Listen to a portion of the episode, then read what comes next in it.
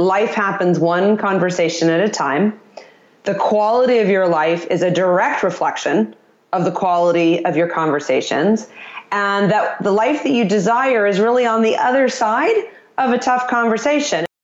Your mind can be your most valuable asset or your biggest liability, and you get to choose. This is the Building Psychological Strength podcast, where we explore ways to build resilience build confidence, and make our minds work in our favor. We draw from the fields of psychology and life design to help us intentionally create a rock solid mindset upon which a vibrant life experience can be built. My name is April Seifert. I'm a psychologist, a life design strategist, and co founder of Peak Mind, the Center for Psychological Strength. Each week, I'll introduce you to an expert, a concept, a technique, or a hands on practice that will help you build psychological strength in your own life. These are the tools to help you thrive.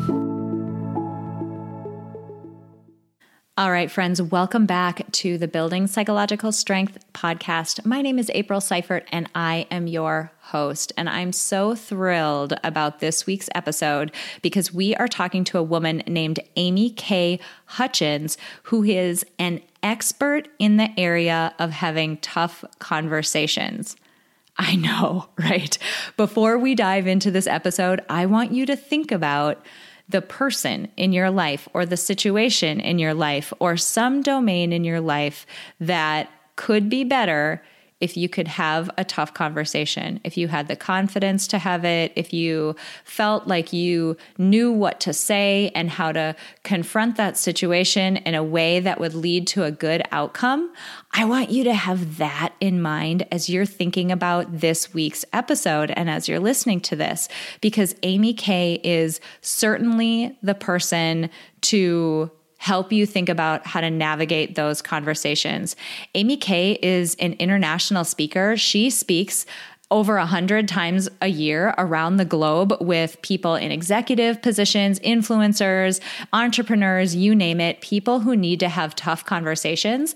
And her goal is to teach people how to confidently and competently navigate their toughest conversations without saying something they regret, without giving their power away or damaging their relationships. And she does all of this and teaches people on this topic with humor and insight. And she uses her experiences. She is just masterful and so wonderful. So I want you to listen to this episode and, in particular, Pay attention to the times in this episode where Amy K and I get specific. I gave her some examples and some scenarios like, what if I was in this situation? How should I handle it? Or how could I start a conversation in this way? She gives away the most valuable little phrases, like little phrases that are so powerful because they help people feel emotionally connected and they help them feel the person that you may have to deliver a difficult message to, it helps them feel more at ease and open to resolving the situation in a way that will work for everyone. This was such an incredible episode, and I know that it's going to be one that people are going to get so much out of because of how masterful and expert Amy K is in this domain. Now, before we hop into this episode, I need to mention that this episode is sponsored by the Peak Mind Monthly membership. Every month, our members are building psychological strength through online live monthly workshops where we cover topics related to psychological strength and we dive in and do hands on work. In this episode with Amy K, we're going to talk about the importance of self awareness toward the end.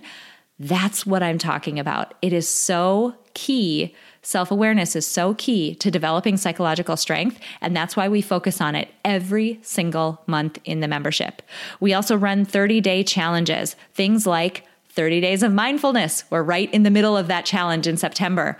That challenge is focused on cultivating a daily mindfulness practice that fits into your day to day life, that does not involve you being alone in some serene, perfect environment. This fits into your busy life with work and kids and all the other chaos going on. We're helping people build psychological strength in their daily lives. There's expert interviews, there's a on-demand 24/7 library that you can catch all of our workshops if you can't catch them live. Everything that's been done in the past is available in that membership and a Facebook community and an ability to answer or to ask uh, questions that we'll cover in upcoming workshops. This is a huge membership. It is so incredibly valuable. And right now, we're giving you access to it for $1 for your first month. That's it, $1. So if you head over to peakmindpsychology.com, you can sign up for the membership and use the coupon code THRIVE when you check out, and you'll get your first month for a dollar. All right, enough chit chatting. I cannot wait for you guys to hear this episode with Amy K. It's so powerful. Get ready to jot down some specific phrases that you can use starting today in your tough conversations. Can't wait for you guys to meet her.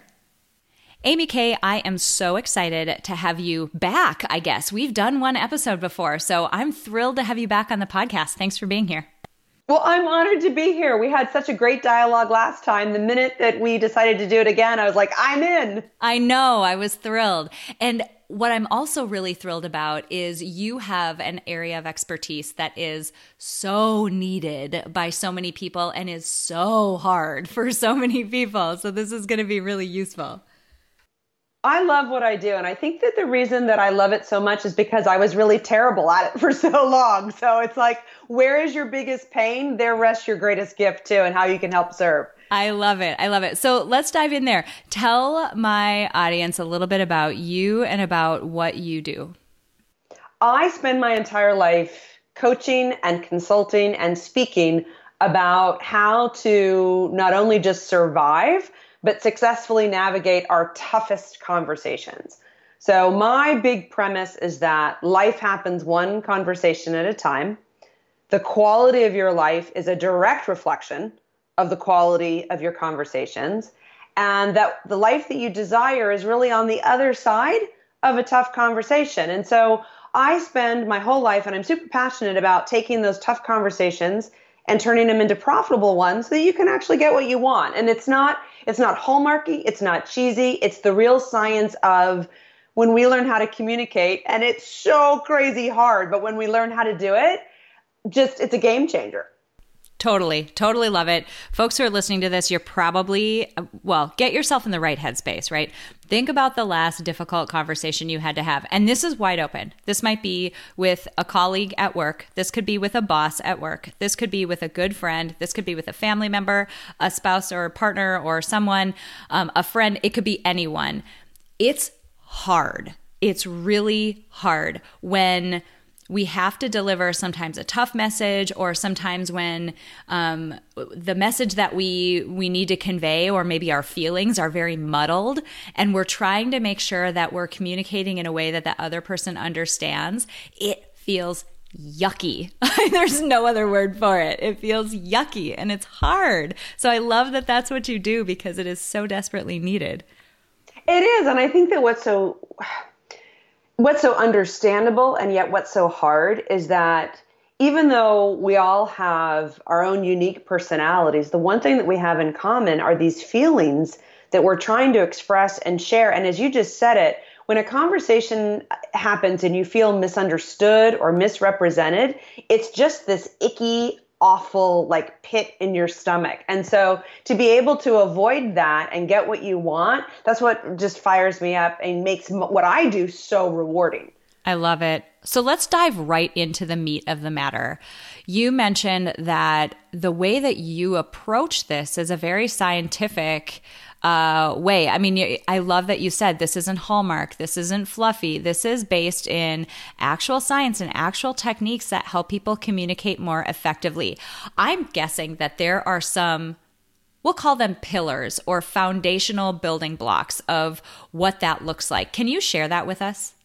Absolutely. I think that one of the first things that I will say is that from a neurology background, the science background, one of the things that we know from an fMRI, which is a functional magnetic resonance image, is that when we start positive, when we start forward focused, we actually increase the neural activity and the brain's ability to problem solve. So if I if I said to you like, you know, April, we need to talk, or like with my partner, honey, we need to talk. Like those conversations are dead on arrival. Partly I literally just the, puckered, like right now. You said yeah, that, and I was like, huh, what? Oh exactly. god. you know, it's like the it's the classic, you know, not to be too crude, but it's like the sphincter clench. It's like, oh my god, I'm in trouble, right? I call to the principal's office. And so one of the things that I think that's really important is for people to realize is that both at home and at work, when you can start the conversation either with alignment or a positive, open ended question, you're creating space for possibility. So, for instance, if I'm like, April, why did you do that? The brain is literally going to decrease its neural activity in the frontal precortex where we problem solve and we have language and we ideate and it's going to go right back to the stem reptilian which is fight or flight defensive the lame blame game so if i can start with hey april uh, how might we one of my all-time favorite magical phrases how might we fill in the blank how might we form a better partnership how might we actually turn the strategic plan around or how might we increase sales or how might we how might we that to me is one of the most brilliant phrases for saying look we're going to figure this out together. You and I are on the same team. It's not you, it's not me, it's we. That's huge. And I am I am a shared lover of the question, how might we? Because one of the things that I am so passionate about that we do within Peak Mind is we draw from life design. And life design is a, you know, an area of expertise that builds off of the human centered design process, which is all about the question, how might we? We get to know a person or, you know, someone's goals and needs and desires, and then we we use that question. How might we design this experience design that person's life design that product design this situation so that it meets those goals and needs so that it goes well? But the i what i love about that phrase if you unpack it a little bit is the word how automatically points it at it's a solution right? Like we're solution focused here. We're not just here to to whine about something. We actually want to come up with a solution that could work and then the word might to me is this giant permission slip because it does open people up to possibility because you're not saying how are like this is the only way we can do it. There is only one possible way. You're saying might. Like, I don't know. We're going to try it. We're just going to leave ourselves open. We're going to experiment here. This might work. I'm not sure. It just calms people down a little bit to use the word might. It feels less scary, I've found. It, is, and I think that it really encourages people to leave their darts at the door and not pop the balloons around ideation. And so, again, it's just the idea that we're going to explore all these possibilities, and it really removes a psychological stressor of we have to have the right idea and we have to have it now. And so you when you remove that sense of urgency to say we're going to explore ideas and we don't really have to make a decision the same day that we explore our ideas, you get people to relax. And in, the moment that they relax, there's strength in that to say, okay, I don't have to have the best idea or the right idea. I just have to give myself permission to explore possibility. Mm, that's huge. And it seems like even so, what you're talking about here is ways to start that conversation, right? Like starting on a positive note and using that phrase, how might we? It seems like there's even a step before that of almost I'm guessing, almost mindset where you need to go into a conversation with the goal of understanding or the goal of coming to a resolution versus sometimes, let's just be realistic, and honest with ourselves, sometimes we go into those conversations like, no, I am going to prove my point and I'm going to show that other person that I'm right. And it seems like there's that initial mindset stage that you need to get yourself in the right frame of mind with the right goals for any of this to go well. Yes, and that's actually so. Um, we did not plan this. This is not a seed. So this is like a real, honest, and authentic dialogue. this is exactly what is what I'm doing in the book that's coming out in February of 2020. Is it's not just one thing. There's five things that you have to do before the conversation even starts. And one of them is to not to go in with the idea that I'm going to seek connection. And so it's not about proving that you're right. It's not about being right or proving somebody else to be wrong or less than you. It's about how do I lean into understanding and making connection. Now, obviously, that doesn't mean that if there's a person that's behavior so egregious that you're not going to go in and set a boundary, but that's also a mindset. So you have to prepare yourself before these crucial or critical or tough conversations even start so that you get more of what you want. You can't wing it. Now, I know that we've got really smart people who are listening, and 90% of the time, because of our areas of expertise, we can walk into a conversation, wing it, and it's going to go really, really well. But then there's the rest of these conversations, the one that are inflection points in our life. And those are the ones that we really have to take responsibility for setting ourselves up for success and preparing for these conversations. And I really do believe that there's really only two things you can do in a conversation, and that is either use use your power, like like you're going to seek power, establish a boundary, you know, put in a rule, because you don't want to be treated a certain way, or you're seeking connection. You really are trying to lean in, make sense of somebody else's world, create mutual understanding, so that you both can get what you want. I love that distinction so much. And uh, something that I don't want people to miss is uh, there are there's a number of uh, domains of life, and and these tough conversations are one. Um, the say the area and domain around sales, so selling something mm-hmm. is another. Creativity and the ability to make something creative is another domain where sometimes people look at these areas and from the get go, they decide, oh, I'm either good at that area or I'm not good at that area. Typically, I'm not good at it. And then they'll look at someone who, you know, maybe could navigate one of these conversations really well or has been able to. And they'll say, oh, that's because Amy K's really good at this. What they don't realize is that in each of those domains, so these tough conversations, definitely within sales, definitely within creativity and, and domains related to that, preparation and practice and intentionality and being really thoughtful about how you're going in, that's really what leads people to be successful. It's not some innate ability that you have to somehow pick the right words. It's thinking about what are my goals for this conversation? How is this person likely to respond? And, you know, how can I how might we have this conversation in a way that's going to get us to a good resolution? I just think people don't realize that that prep part is so important. They just think they should either know how to do it or they must be bad at it. I think I think you actually um, hit the nail on the head, and that's when people make some things look so effortless. We're like, oh well, that, that's just because they're like naturally good at it. it's like, well, maybe they had a little proclivity for it, but then with some serious thousands of hours of practice, they they now make it look pretty darn natural. And so I laugh. Like somebody the other day said, you know, have you always been like a, a person who loves to be on stage? And I was like, well, yes, I've always loved to be on stage because I speak for a living. And then he says, but you tell me like you've practiced. And I'm like, oh my goodness, like, you know, 10,000 hours times 10. I mean, it's like, I, I think that what you're saying is that no matter what you've gone to school to study, one of the things that I will just totally validate that I love and I think we're we're preaching here is that the more that you practice your ability to communicate and share your ideas, the more that you practice and learn how to communicate sharing your feelings, the more that you learn how to communicate and draw a boundary or ask for help. Like I don't I don't know about you, but almost all of the badass women that I know have a really hard time asking for help. Mm-hmm. And so changing that story in your head that asking for help doesn't mean you're weak. It actually makes you stronger is the story that actually helps you move forward faster.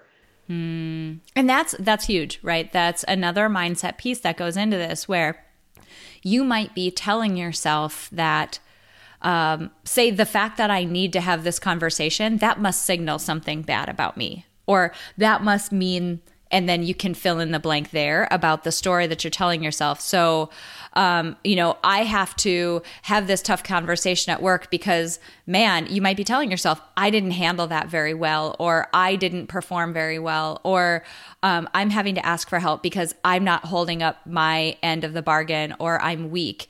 And I think in general, going into a conversation with that mindset, you're just not going to be as confident and able to effectively communicate than if you were telling yourself a more empowering story or even a more accurate story about what reality is. Because let's face it, our little reptile brains tell us some crazy stuff sometimes that is not adaptive and helpful, nor is it accurate about what's happening. It's not. I mean, there's. I mean, there's really no such thing as a pure reality. Everybody's got their own truth. Um, I, I personally think it's like a huge illusion that we believe that there's one reality. And I, I even talk about the fact that like you and I are having this conversation, but then everybody who's listening to this conversation is also having a conversation in their own head. You're having a conversation in your head. I'm having a conversation in my head. Like there's never just one conversation. And so I think that we, you know, we all see the world differently. We all have our lens and our perspective. But I want to go back because you you said something that I think is really, really important, and that is we choose our story and it starts there. So, a lot of times we will walk into a conversation and we start with our story without even thinking that we're interrupting somebody else's story. So, it's the mm. idea of, you know, if I'm going to walk into somebody's office, let's just say I'm at work and I interrupt, um, and I interrupt Mandy, and I'm like, hey, you know, Mandy, I really need you to look at this yes, that can happen. And sometimes it's not a big deal, right? But there are other times when you want to walk in and you want to say, hey, I know that you're meeting with the client tomorrow, and it's really important that you have all the accurate data. I have the data here for you. So let me know when it's good for you. So you're interrupting them, but now you're interrupting them with a story that's all about them. And they're mm. far more likely to engage because it's about them, not just about your own want. That's huge. That is huge right there. And it's, there's no more, it requires no more effort to say it in that way. It just requires a little bit of intention at the outset, as we were just talking about, a little bit of preparation to think what mindset might she be in? What is the context that I'm going to be walking into? And what's the best way that I can say this in a way that it's going to land well and we're both going to have a good outcome from this, or as good of an outcome as we can. Life can be so much more than simply going to work and waiting for the weekend. But deep down, you already know that. You know that life can be so much more vibrant. You know you were made for more than just passively going through the motions. You know you can thrive, but to do that, you have to start from the inside out. And that is why I'm so excited to announce that for a limited time, we're offering you the opportunity to join us in the Peak Mind membership for only $1 for your first month. That's right, $1 to join us in the full Peak Mind membership.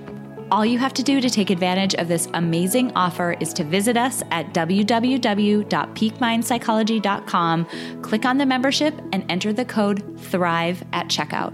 Think about it. We all know what we need to do to keep our bodies strong. But what about our minds? What if you had the tools to build the psychological strength confidence, and resilience to help you thrive at work, at home, and in the rest of your life? What if you made the commitment to living your life by design and not by default? All of this is possible. The goal of Peak Mind, the Center for Psychological Strength, is to help you build the mental toughness, flexibility, and resilience to thrive in your life. We draw from the fields of psychology and life design to help you intentionally create the vibrant life experience you know is possible. Through live online workshops, a 24 7 on demand library, expert interviews, and monthly challenges, our members are building the psychological strength that it takes to thrive through life's ups and downs. And like I said, you can do it too. For a limited time, we're offering you the opportunity to join us for only $1 for your first month. Just visit www.peakmindpsychology.com, click on the membership, and enter the code THRIVE at checkout. Your mind can be your most valuable asset or your biggest liability, and you get to choose. So, what choice are you making? Join us in the Peak Mind membership before this amazing offer goes away. Yeah, and I think that one of the things that I'm a big believer in is not putting yourself in this huge pressure cooker situation of like my entire future rests on this particular conversation. It's like, no, just take a deep breath and give yourself a chance to prep. I totally believe in it. I totally believe in the role play and the prep. Um, thinking about what it is that you want as an outcome, thinking about the flow and the tone and tenor and how you want to start it when it's a super critical conversation. But sometimes there's just these magical responses, like you're you're sort of you're caught off guard, and maybe somebody says something in a meeting, maybe somebody does something in a meeting that's a little bit egregious, and then rather than attacking them or being like, "What the," you know, like, "What's your problem?" in the meeting, waiting for the meeting to be over, and then talking to them by seeking understanding and connection. So like that let's just say somebody says something like kind of rude and maybe even kind of mean in a meeting. Well, waiting till the meeting's over and then either going to his or her office and saying, "Hey, you know, I'm very curious. When you said blah blah blah blah, what was the thought behind that?" Mm. And then and like really giving them a chance to own what they said or what they did and for you to really understand because we get the story in our head of, "Oh, they were just mean to me." And they might look at you and be like, I don't even remember saying that. Or, oh, I was really upset about blah, blah, blah, blah. Or, you know what? You're right. I owe you an apology. Like there's a myriad of ways it could go. But instead of just being all worked up and giving out all your energy and all your time and all your effort to the wrong story, go lean in and see if you can, you know, turn it around faster. I love that. Some uh, a book popped into my mind. Have you read the Four Agreements? You know, I read that a long time ago, and I'm going to just do a full candid. I sort of remember it, but not in a great distilling way. No worries. There's just one little section of it that popped into my mind. And one of the agreements is about making assumptions. Like, don't make assumptions. And you get yourself into trouble when, say, somebody made that comment in a meeting. You might assume that you know what the thought is behind it or what the sentiment or even the degree to which they intentionally tried to hurt you. And that's a whole other can of worms. Like the degree to which people actually sit around thinking, wow, how could I really make Amy K mad today? it's not it's not very often that it happens that way, but not making assumptions about what that person was thinking and number one, allowing them to articulate what their thoughts were. But number two, I love that you said they need to take responsibility then for what their thoughts were. Because to me that is almost a it's a subtle way of signaling a boundary. Like hey you can go ahead and make these comments but we're going to have a conversation about it afterward. That's just something that you can expect with me is that if there was something there we're going to air that in this conversation. Like, I'm going to come to you in a private way, in a respectful way, but we're going to have this conversation if you continue to make these types of comments. Like that's just how we're going to we're going to work it out. Um, that to me signals just an expectation and almost a, a, a mini boundary with a person that you know we're going to solve this like adults if this continues to happen. Yes and i think that one of the things that's really important and i talk about this a lot is that you can do it in a really gracious and kind way. And being nice doesn't mean that you're naive though. Mm. you know it, it really means that at some point you have to own your own voice and you have to recognize the worth of your own voice. And that's really what i i struggled with for so long. I mean i have i have hundreds of stories where i could tell you like people said something so rude or egregious and i often just let it go I was like, well, that's so rude. I'm not going to respond to it. And then what I realized is they just thought I was an idiot. And I was like, no, I was just taking the high road. And what I've learned is that you can let a lot of those things go, but when they're really rude or egregious, you can still be really nice, but you need to call people on it. Like you need to let them know that it's not okay to be that cruel or that rude or that offensive. Yeah, let's play that out in an example. So, I mean, I'm assuming um, we could use any number of examples that are probably pretty common for people. So there might be, you know, a family member who tends to be hypercritical, let's say. Um, it could be someone at work who is similarly either critical or um, makes comments that just are not okay, that they're ones that you do need to address. Maybe so we can walk through. One. Yeah. Yeah, let's do a real one. Let's do, and, and, I'm happy to go into like, have you been criticized lately, or did you hear about somebody being criticized lately? Because that's that's a normal. I think we can all relate. Yeah. Let's say, um, let's go with like, oh, let's go with one that's like to the heart that people okay. like, man, this just drives people crazy. Um, I have a couple kids and I'm being criticized for how like how I've parented or how I responded in a situation. My kid lost her mind in Target and somebody like maybe my a family member doesn't like how I've handled or am handling that situation and they're making a lot of comments that are very critical about that. Okay. So one of the first things that I do is I turn it back on them. So if if I if somebody in your family has just criticized you for your parenting, then the first thing that I would encourage you to do is to say, "And how are you hoping that I respond to this feedback?" Ooh. I would never think to say that, but that's really good. I know because that's because we don't. And here and here's why we don't. We are so cautious about standing up for ourselves when we feel like the dynamic or the relationship is really heavy and we're scared to like scratch it or pull a thread and that the whole thing will unravel, right? It won't. But what you're saying is is that it's not acceptable for you to treat me like this way and I'm breaking this habit. Because what it is is it's usually not the first time. You know, or they're talking about you behind your back and they're like criticizing like, oh, you know, April, you know, her kids are always like throwing a tantrum in Target. I know she has like no idea how to parent. You know, all this bullshit and what it's great is, again, you don't have to be rude.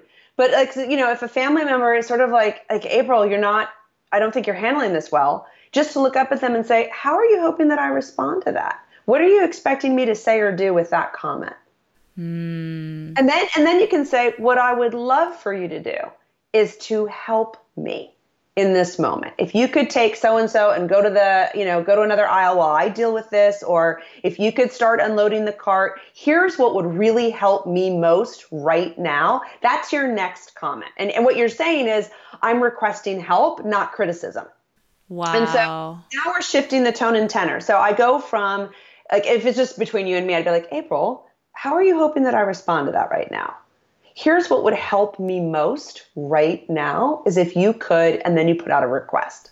Wow and that that gives them something to physically do and feel needed because so a lot of it is too and this is like if we if we go with a very positive intent that person's actually trying to help. Like that's the crazy thing. They're trying to help you. The problem is is that they don't realize that criticism isn't the best card to play in that moment even though they're trying to be helpful. So when you when you kind of feed into their desire to help, but you make it what you need, you've completely shifted it and they still feel valuable. Mm. And I think that feel valuable part is a huge one because um, I can think of situations that I've been in where I'm like, er, I don't know if that person actually wanted to help me. But even if they don't, like, let's assume negative intent here, which yeah. I mean, Sometimes that's the case, lots of times not. But let's just, for sake of argument, assume negative intent. Even people who are coming with those con- or those comments for a negative reason, they still just as a human being appreciate feeling valuable. So if your right. goal in that situation is to not strike back at that person but instead resolve it, you know start to put up a boundary for next time and then move on in a like in a way that resolves it well. Giving that person that i guess almost communicative olive branch. Like, here's what you can do to help me, and you'll be extremely valuable in this situation to me. It, it allows them the opportunity to be like to make a better decision than what they did initially. Yes. And sometimes you're not going to deal with it in the moment. So, for instance, like if your kid is throwing the temper tantrum at the store and you don't have the wherewithal to like be like, okay, I'm going to channel like, you know, my most excellent communication skills because you're just not in that space, right? Then remember too that you have every right to have that tough conversation later. And I think that we need to remind ourselves that sometimes the conversation's not worth having in the moment, but it is worth having a couple days later when we've prepared. So I always tell people again, reduce the pressure on yourself. If you've, uh, for instance, maybe you snap back, maybe you don't say anything, maybe you you just like you just like zip up and like, oh my god, I'm so not dealing with this person's criticism right now. Okay, then you go away, you get regrounded, you get anchored, you prepare. And then we might come back. And another great way to start, again, doesn't have to be how might we, it can just be an affirming positive statement. As I would start with something along that Can we agree that you and I both love these kids? Because, like, maybe it's your mother in law, maybe it's your father in law, maybe it's your sister, maybe it's a friend. Like, can we all agree that we love these kids? And they'll be like, well, of course. And then you're like, okay, can we agree that we really want them to grow up to be like super happy, well adjusted adults? And they'll be like, yeah. And say, okay, so can we also agree that like they're going to have some glitches along the way. Like they're going to be kids. And they'd be like, yeah, I don't know where you're going with this. You say, well, where I'm going with this is the other day, you criticized me in the middle of a temper tantrum. And what would have helped me most is if you had done X. And then you pick whatever X is and say, I know that we agree that we love and that you're supporting and that you care about me too. This is the best way that you can show it. And then you say this beautiful phrase. This is a beautiful, it's like one of my all time favorite magical phrases. You say, a part of me and you fill it in April with whatever you were feeling. Like a part of me was really hurt because you were criticizing me, or a part of me was really frustrated because I felt like you were being critical when I needed your help. Now, you don't say, I was frustrated, I was hurt. You don't make it an absolute. You say a part of me. And then that opens up all the space because I still love you, I still respect you, I still want to be your friend, your aunt, your whatever. But a part of me says, this is worthy of discussing because you either hurt my feelings or you made me frustrated. I feel like we need to timestamp that example so that people can rewind this and go back. I, I'm thinking maybe I should just transcribe that entire section and put that somewhere because that was masterful. There are these um, these small phrases like that that a part of me that is just it's almost an emotional signal to be empathetic. Like I'm opening up this empathy door because I value the like I value the relationship. I still want it to be there, but I need you to know that, you know, in order for us to have the great relationship we can have, we need to figure this this situation out. It's so good. Absolutely. And it actually works really well with your kids. So one of the most profound uses is with your own children. And the reason that I say that is because it can be really psychologically um, threatening to a young child developmentally to have mom and dad be angry, upset, frustrated, or disappointed with them. So when we tell a kid, I'm angry, I'm frustrated, I'm disappointed, there's there's only one thing that they hear, and that is that mom and dad are 100% upset, angry, disappointed, whatever you verbalized. When you tell a small child or a teenager, a part of me was disappointed with your choice, or a part mm. of me is upset, or a part of me is frustrated, then what you're telling that child is, there's still room for love and acceptance and belonging.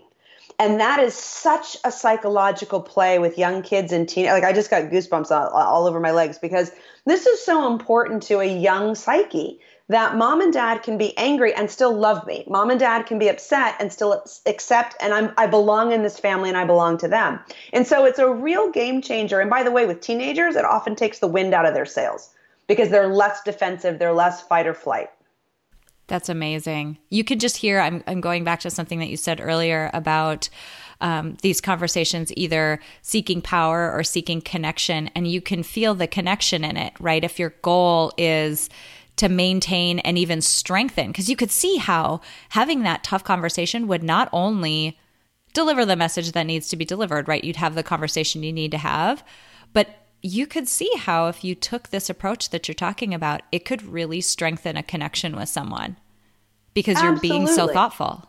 And it doesn't mean you can't ground your kid. I mean, it doesn't mean you can't have a power play. Like if, if you're if your 16 year old or 17 year old breaks curfew by a couple hours, you know, you can absolutely say a part of me is really disappointed. And by the way, a part of me was really scared that you might have been hurt. So you know, you are grounded or you're not going out this weekend. That's a power play and that's fine and totally appropriate. But you're still letting them know that there's room for love and acceptance. Um, and I, you know, it's interesting because a lot of times people say, oh, you shouldn't tell kids like they have power over the way that you feel. Like, and, and I said, no, I think it's okay to let people know that their choices it's not about you know giving your power away. Like I, I, know there's the classic eleanor roosevelt like nobody can make you feel anything without your consent. But the the more nuanced real world version is that if your kid comes home two hours late from curfew you are scared. Like that's the reality. Like you you are choosing yes to be scared but you're also choosing to realize that there's a dangerous world out there and that's why you have mm-hmm. rules in the first place. And so i think that the more reality check and the and the nuanced version of that is is telling your kid, you know, a part of me was concerned. You know, you can even word it that way if that makes you more comfortable. A part of me was really concerned that something might have happened to you, and this is not acceptable. This is not how we treat each other in our family. This is not how our family chooses to to show um, that we care about one another. Mm. Um, and so those those are all really good things to communicate that then allow your child to grow up and have those communication skills as well. I love that. Oh my gosh, this is all so good. Um, you can tell that this has been an area of expertise of yours for a very long time because um, you're just so you're so good at dissecting situations that for us feel very murky when you're in them it feels like you're providing a level of clarity around you know that person and their goals and the context and what may have happened before during after when this conversation is happening. Like you feel very clear and organized and systematic about a situation that again for a lot of us feels very gray and murky. So this is incredibly valuable and it does for me too. So let's you know let's let's have the candid moment that this is this is something that i still practice and work through every day of my life. This is not something that you're like oh one and done. I've totally mastered my communication skills. No you have to continually be practicing. Do i say stupid stuff? All the time. Do I have to apologize for like the, the quick, stupid comment? Of course I do. We're humans. But I do love the fact that the more we practice it overall, the much better we get at it and we end up creating the life that we desire one conversation at a time. Oh my gosh, it's as though I paid you to say that. because that I mean I'm taking it all the way back to the very beginning of our of our conversation in this episode.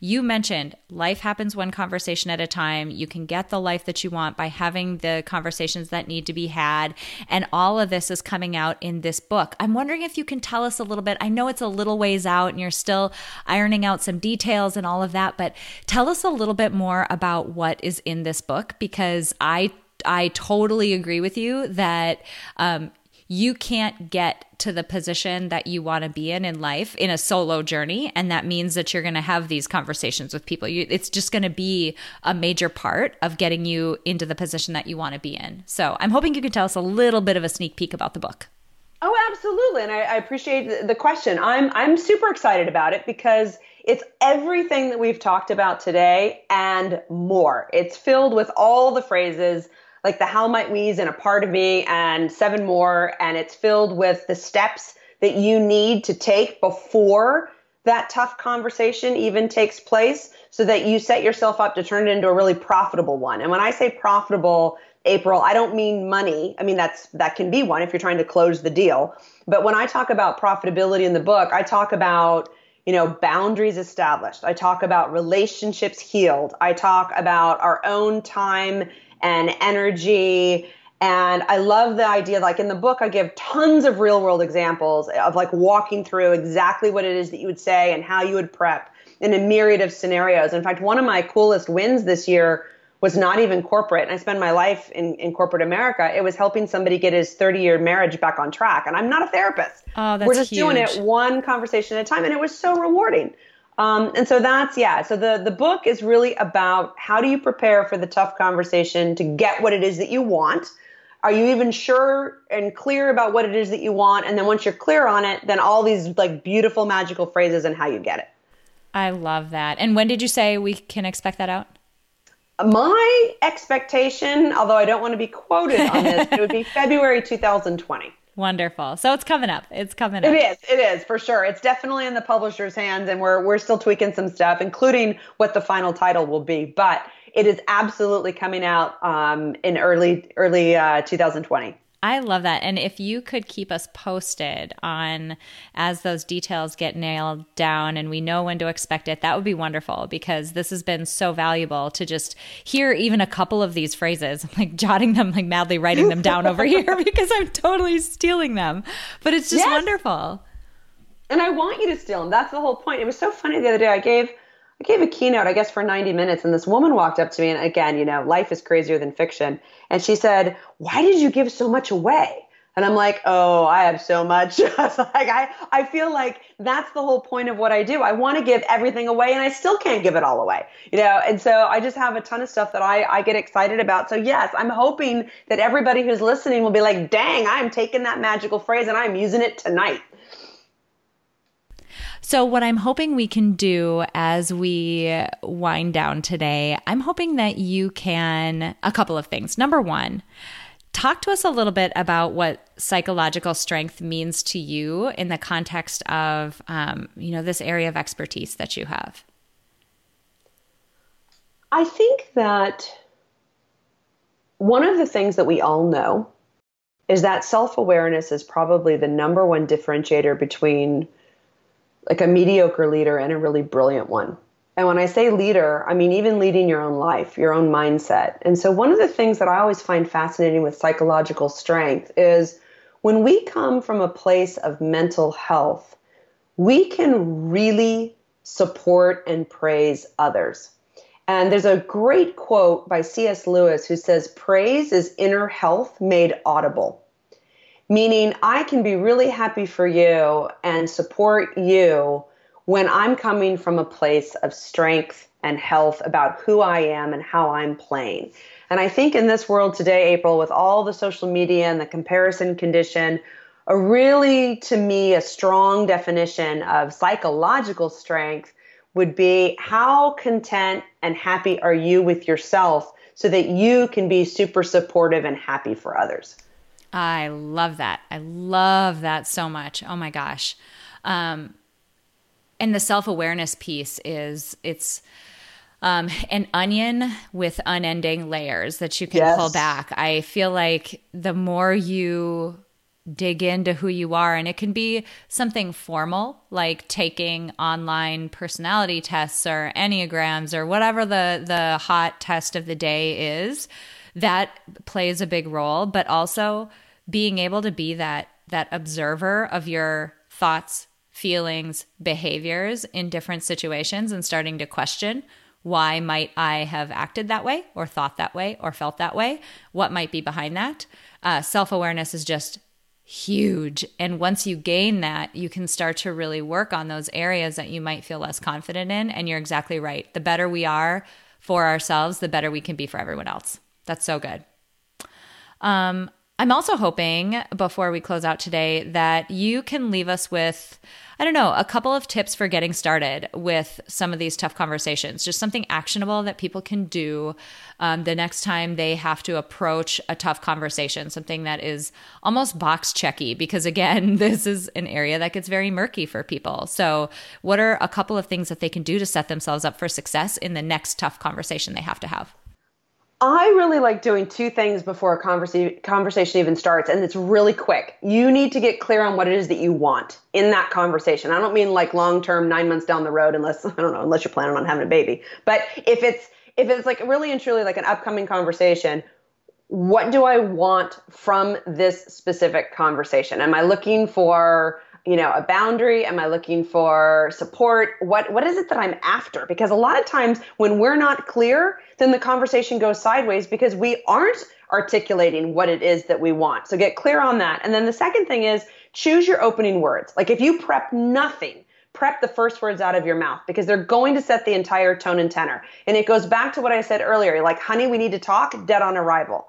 A how might we? Or a affirmation or something positive that says we're going to start in a really great forward focused way will completely shift a conversation into the direction that you want to go versus like starting off in some battle mode. I love those. They're so actionable. They're so specific. They're so simple, but they're so powerful at the same. They work. Yeah, you can tell. You can tell. It just it sets the tone completely differently. Amy K, this is so good. I have loved chatting with you once again. You are so masterful at everything that you do, and it has just been a pleasure. Um, where can people find you online? Super easy. It's four letters: amyk.com. And so if they go to amyk.com, one of the things that I highly encourage them to do is to take advantage of all the free resources that we have about communicating more effectively. So there's no sales pitch. It's really and truly come, you know, one of my core values is generosity, and you'll see on our homepage, we give a ton of stuff away for free. I love that. And I highly encourage people to uh, take Amy K up on that. Um, the more you can, again, going back to something we talked about earlier, the more you can be intentional and practice and prepare and just feel really rock solid as you go into these conversations, just knowing what what you want to get out of them, what the what the goal is and where what success would look like for them, the better you're going to be. And I I also agree with you that having those conversations is uh, one of the keys to creating the life that you want to live, and that is a big piece of psychological strength at Peak Mind.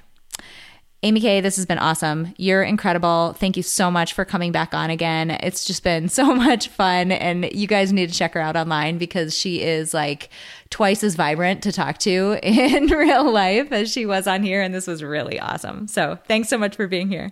Thanks again. It's a simple fact that nearly everyone in the world could benefit from building psychological strength. But not everyone will put in the time and effort to do so, but today you did. Thank you so much for listening to this episode of Building Psychological Strength. Now, if you're interested in building the mental toughness, confidence, and resilience you need to thrive through life's ups and downs, visit us at www.peakmindpsychology.com. Also, if there's someone in your life who could benefit from this episode, please share it with them. And if you yourself found this episode valuable, meaning if you took away even one insight that you can use to build psychological strength in your own life, we would so appreciate it if you would drop us a rating and a review on iTunes.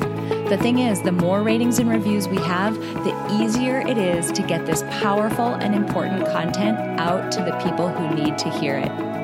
Remember, your mind can be your most valuable asset or your biggest liability, and you get to choose. So choose wisely, my friend. And I'll see you next time on Building Psychological Strength.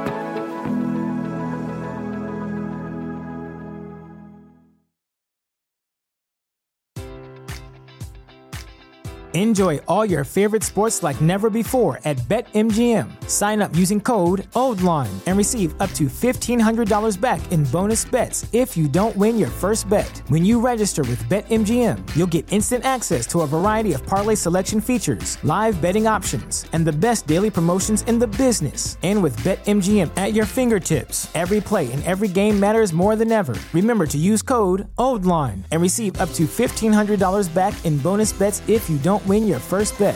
BetMGM and GameSense remind you to play responsibly. See BetMGM.com for terms. 21 plus only, Maryland only. New customer offer, subject to eligibility requirements. Rewards are non withdrawable bonus bets that expire in seven days. Please play responsibly. For help, visit mdgamblinghelp.org or call 1 800 Gambler in partnership with MGM National Harbor. Promotional offer not available in Washington, D.C. At Parker, our purpose is simple. We want to make the world a better place by working more efficiently, by using more sustainable practices, by developing better technologies. We keep moving forward. With each new idea, innovation, and partnership, we're one step closer to fulfilling our purpose every single day. To find out more, visit parker.com/purpose.